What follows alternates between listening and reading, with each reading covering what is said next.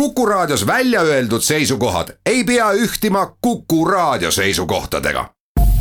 Te kuulate Kuku Raadiot.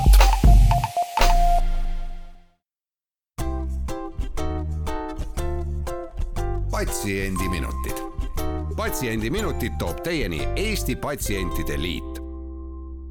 tere, hea Kuku kuulaja eetris on Patsiendiminutid ja saatejuht Kadri Tammepuu. me räägime täna juttu hambaarstiga, sest eelmisel nädalal otsustati Hambaarstide Liidu poolt, et äh, tavaline plaaniline hambaravi tuleks lõpetada. väga paljud kliinikud panid oma uksed kinni ja teatud paikadest vaid on võimalik saada esmaabi mida siis teha, kui hambaarst ei tööta, aga hammas ikka valutama hakkab, kust ja millist abi saab. sellest äh, me täna räägime ja meil on telefonil Kaarli kliiniku hambaarst, doktor Triin Piikov, tere tulemast. tere koroonaviirus möllas ju Eestis juba varemgi, alates kaheteistkümnendast märtsist äh, kuulutati välja eriolukord, siis eelmisel nädalal otsustas Hambaarstide Liit äh, anda välja tungiva soovituse, et hambaravikliinikud võiksid panna oma uksed kinni. miks seda siis soovitati? Ja meie Unimed Kaarli hambakliinik äh, sulges oma uksed tegelikult juba kuusteist märts äh, nakkusohu vältimiseks. et hambaarstidel on küll kasutusel igapäevaselt kaitsevahendid, aga koroonaviiruse kaitseks nendest ei piisa. selleks on vaja kõrgendatud riskiga kaitsevahendeid, millest on puudus jutt käib äh, nendest respiraatoriga kaitsemaskidest, et need tavalised kirurgilised maskid ei kõlba tavalised maskid ei kaitse koroonaviiruse eest. mitte piisknakkused nagu C-hepatiit, B-hepatiit, HIV-i vastu kaitseb tavaline mask, mida arst kannab. aga koroonaviirus, mis on piisknakkuse kaudu väga kergesti leviv, selle vastu tavaline pabermask ei aita. inimesed kergesti enam hambaarsti juurde ei pääse. kuidas seda vältimatut abi põhimõtteliselt saab ja vältimatut abi osutavad esmaabikliinikud. Need on eh, need eh, hambaravikliinikud, kes on endast Haigekassale teada andnud, et nad võtavad vastu ka mitte ainult omi patsiente, vaid osutavad abi kõikidele patsientidele. Tallinnas on need siis eh, Unimedi hambakliinik Järvel, Kaarli Unimed hambaravikliinik ja Tallinna hambapõlikliinik Tõnismäel Tartus võtavad vastu esmaabipatsiente Unimed Tartu kliinik ja Tartu Ülikooli stomatoloogia kliinik ja Pärnus Unimed Pärnu kliinik. ja lisaks on siis veel teised äh, linnad ka, Kohtla-Järve, Jõgeva. infot esmaabikliinikute kohta saab äh, Haigekassa koduleheküljel kirjas olevatest kliinikutest. ja ilmselt äh, perearsti nõuandetelefonilt üks, kaks, kaks, null ka olen kuulnud, et jagatakse seda infot nüüd oleme avanud äh, Eestis üleriigilise nõuandetelefoni, et patsiendid võivad helistada sinna ja nii on lihtsam seda esmaabi suunata, et mõned inimesed ei vajagi esmaabi, et nad tahavad teada, mida ette võtta mis teie soovitus on, kui nüüd inimesel on võimalik valida, kas äh, helistada oma hambaarstile või helistada teie nõuandeliinile, kumba te esmalt soovitate teha? no kui patsiendil on nii tihe kontakt oma hambaarstiga, siis äh, võib võtta ka kontakti oma hambaarstiga, aga meie nõuandeliinil vastavad ka hambaarstid, kes kindlasti oskavad aidata. mis selle nõuandeliini number on? Äh, nõuandeliini number on kuus seitse seitse kuus kaheksa kaks kaks. see töötab esmaspäevast reedeni üheksast viieni. nii et nädalavahetusel ikkagi sealt nõu küsida ei saa? ja nädalavahetuselt nõu küsida ei saa. Tartus töötab äh, esmaabivalve vastuvõtt Puussepa kaheksa, kus valvearsti telefon on seitse kolm üks üheksa kaheksa null üheksa ja seal toimub vastuvõtt esmaspäevast reedeni kaheksast kaheni. nädalavahetuseti saab suhelda meili teel ma saan aru, et teie ise olete ka seal tasuta nõuandeliinil äh, nõu andnud, mida siis inimesed küsivad, mis neid äh, kõige rohkem huvitab? Inimesed pöörduvad sinna väga erinevate probleemidega, mõnele on jäänud lihtsalt number äh, silma ja on helistatud, et äh, ei ole kümme aastat hambaarstil käidud ja nüüd on jäänud number silma ja on mõeldud, et teeme otsa lahti ja soovivad registreerida, aga paljud pöörduvad ka tõsisemate muredega ja ka küsimustega, kas on mõtet tulla vastuvõtule või saab siis äh, nõuande teel probleemile lahenduse millised need äh, tõsisemad probleemid on, tõenäoliselt ikka, kui hammas väga kõvasti valutab, siis ähm, tahaks mingit abi saada? no tõsisemad probleemid võivad olla väga-väga erinevad, et turse näol, vahel hambatraumad, ka väga palju pöördutakse murdunud täidistega ja jah, lihtsalt valutavate hammastega. no läbi telefoni on väga keeruline ju hambavalu ära võtta, et mis nõu te siis annate? Proovime kindlasti täpsustada väga põhjalikult, et mis valutab ja, ja kus valutab ja selgitada, et millal valu algas mõnikord võibki juhtuda, et ei olegi tegemist hambavaluga, on hoopis igemevalu, jagame hügieeninõuandeid, kuidas hoolitseda, paremini puhastada ja kui siis tundub, et patsient ikkagi vajab vältimatut abi, siis suuname ta vastavalt elukohajärgsesse esmaabikliiniku vastuvõtule. Kuidas see suunamine vastuvõtule käib, kas patsient peab ise helistama ja aja kinni panema? patsient helistab äh, nõuandetelefonile, selgitame probleemi välja ja anname kohe aja esmaabisse või võtame patsiendi telefoninumbri ja helistame tagasi, et otsida sobiv aeg. Patsiendid pöörduvad ka proteesimuredega, et kas proteesid on läinud katki, et praeguses olukorras on lõpetanud töö ka proteesilaborid, mis proteese valmistavad. aga esmaabi korras nendele muredele leiab lahenduse, et meie kliinikus töötab valvehambatehnik et siis saab proteesi ka saata, kui on eelnevalt kokku lepitud murdunud proteesi ja siis saadame tagasi postiga kui näiteks ähm, inimene on breketi kandja ja, ja breketid võib-olla teevad valu või kuidagi lahti tulnud, et äh, kuidas siis saab aidata? breketi ja ortodontiat puudutavad esmaabi korral, see on sellised äh, probleemid, millega patsient ise saab kodus hakkama.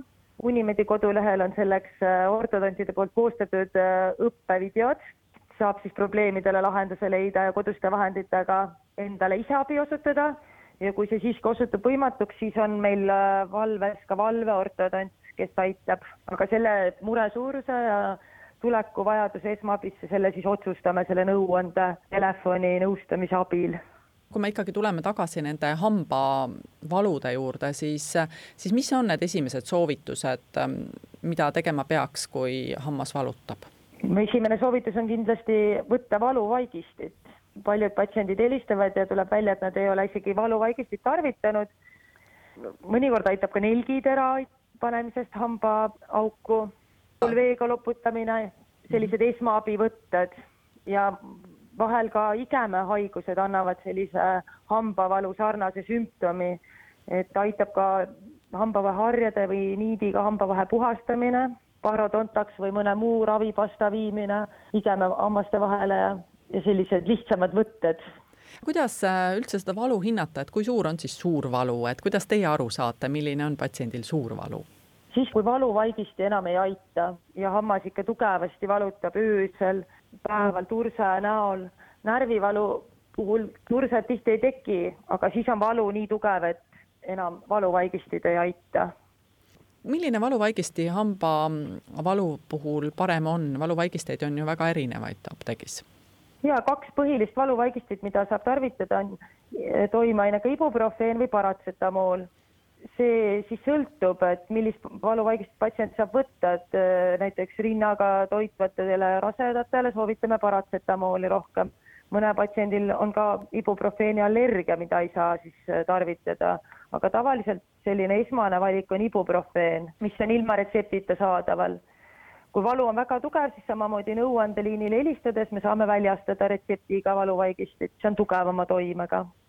Aga läheme siit väikesele pausile, peatselt oleme tagasi, nii et jääge meiega. patsiendiminutid, Patsiendiminutid toob teieni Eesti Patsientide Liit. stuudios on doktor Triin Piikov, Kaarli hambaravi hambaarst ja Kadri Tammepuu. me räägime täna, miks hambaarstid praegu ei tööta ja kust siis abi saab kas ähm, hambaarst saab veel midagi ära teha lisaks sellele, et ta soovitab äh, hügieenireegleid järgida, võtta valuvaigistit? no ikkagi, kui hammas äh, valutab või, või põsk on paistes, mida, mida siis veel teha? paistespõse puhul soovitame kindlasti mitte teha kompressi, mitte kuuma hoida seal peal, pigem jahedat. Kui valu on nii suur, et on tekkinud juba turse, saame väljastada ka antibiootikumi retsepti et seda muidugi eelneval põhjalikul äh, konsulteerimisel patsiendiga. antibiootikumi retsepti me kindlasti ei väljasta väga kergekäeliselt, aga kui vajadus selleks on, siis seda saab teha. mida antibiootikumide võtmisel teadma peaks? ja antibiootikumide väljakirjutamisel kindlasti instrueerime patsienti, kuidas äh, tarvitada ja kui antibiootikumi kuuri on alustatud, siis tuleb sellega jätkata lõpuni. antibiootikumide võtmisel ei piisa sellest, kui tarvitada paar päeva ja kui valu läheb üle, siis see lõpetada. et see soodustab lihtsalt ravimiresistentsuse teket.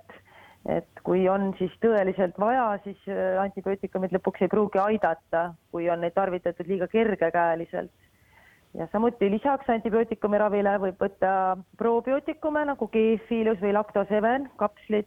kui antibiootikumid võivad tekitada kõhulahtisust ja muid probleeme, siis probiootikumid aitavad neid sümptomeid leevendada.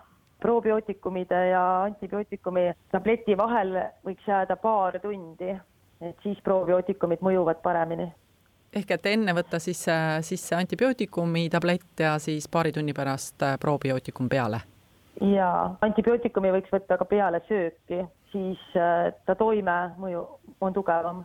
kas ähm, antibiootikumid on ka selline ravim, mida peab võtma kindlatel kellaaegadel või see ei ole väga oluline, noh näiteks kui ikkagi on ununenud mingil hetkel ravim võtmata, mida siis teha? kui äh, läheb meelest ära antibiootikumi tabletti võtta, siis tuleb see võtta esimesel võimalusel. et kindlasti on soovitav teha endale selline rutiin kellaajaline rutiin, siis kui paljudel juhtudel aitab see, et kui patsient helistab ja tal äh, ikkagi on tugevad valud, et ei ole vaja vältimatut abi, et, äh, et saabki inimene nõu ja saab reaalset abi no nendest ravimitest äh, või nõuannetest?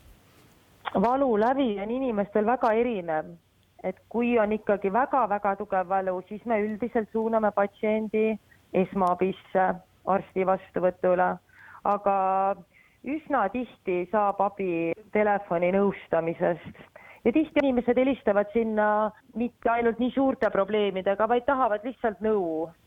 kui on plomm ära tulnud või hambakild ära murdunud, siis sellise probleemiga kannatab oodata paar nädalat kuni kuu kindlasti.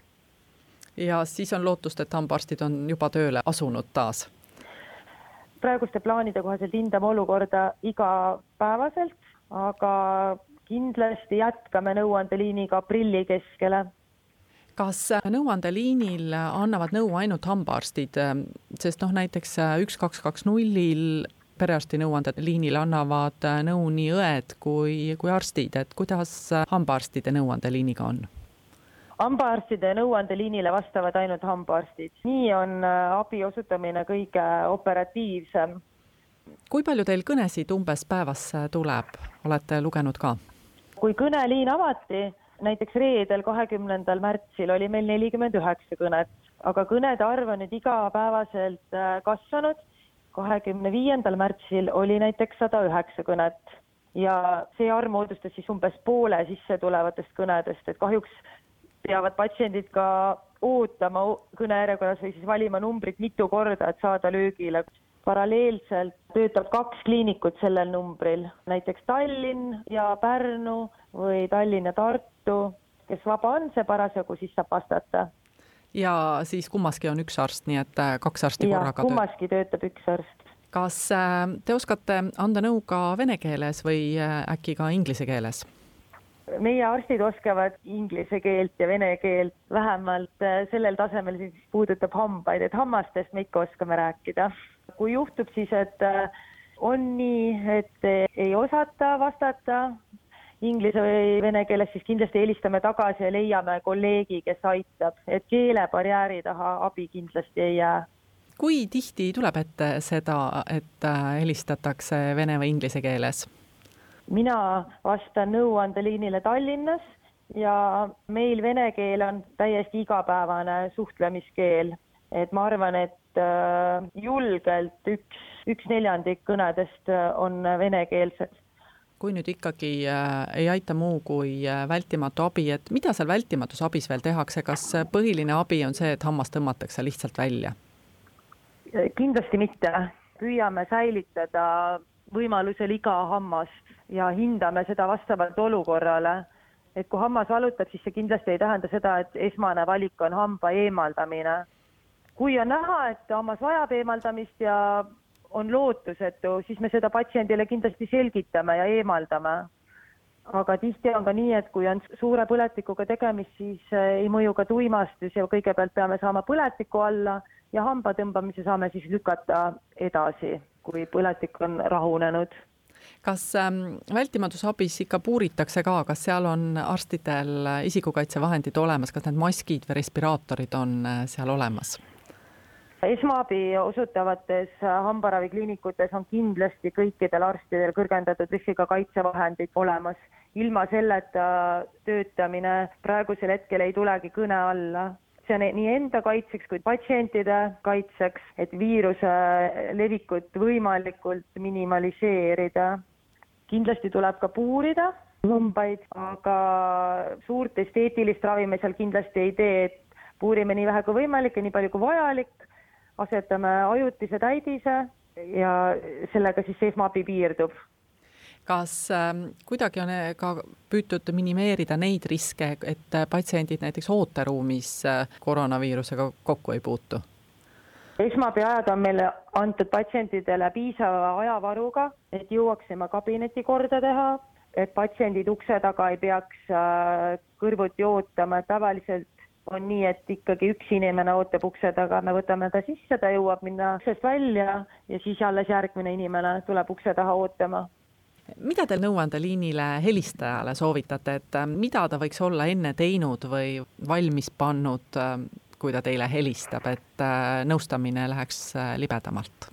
nõuandeliinile helistades võiks olla valmis ka isikukood, siis me leiame kiiremini inimese andmed või röntgenpilti saame uurida ma korra küsin veel hambapiltide kohta, kas hambapildid on ähm, teil kättesaadavad ka nende hambaarstide patsientide kohta, kes ei ole teie patsiendid? Nende patsientide hambaravi röntgenpildid, kes ei ole meie kliinikus arvel Unimed grupis, siis nende patsientide röntgenpilte me ei näe. kui on vajadus, siis me saame röntgenpilte alati koha peal teha. kui me näeme röntgenpildi, siis see kindlasti lihtsustab nõu andmist aga kui röntgenpilti ei ole, siis sellest ei ole ka midagi, et me ikkagi üritame välja selgitada probleemi. no väga tore, mis te arvate, kas ähm, juhtub siis nii, et hambaravi järjekorrad vähemalt esialgu, kui eriolukord lõpetatakse ja koroonaviirus meil taandub, et äh, kas need lähevad siis korraks väga palju pikemaks? ei usu, et hambaravi järjekorrad sellest nüüd väga pikemaks läheb, et eks neid esteetilisi töid ja neid ilmselt äh, langeb jälle ära nii et kõik äh, abi vajavad inimesed ikka saavad adekvaatse aja jooksul abi. suur aitäh, Triin Piikov, Kaarli hambakliiniku hambatohter ja hambaarsti nõuandeliinile igapäevaselt vastaja. nõuandeid jagasite ja täname ka kõiki kuulajaid. stuudios olid äh, doktor Triin Piikov ja Kadri Tammepuu. patsiendiminutid on taas eetris järgmisel nädalal ja seniks olgem terved patsiendiminutid. patsiendiminutid toob teieni Eesti Patsientide Liit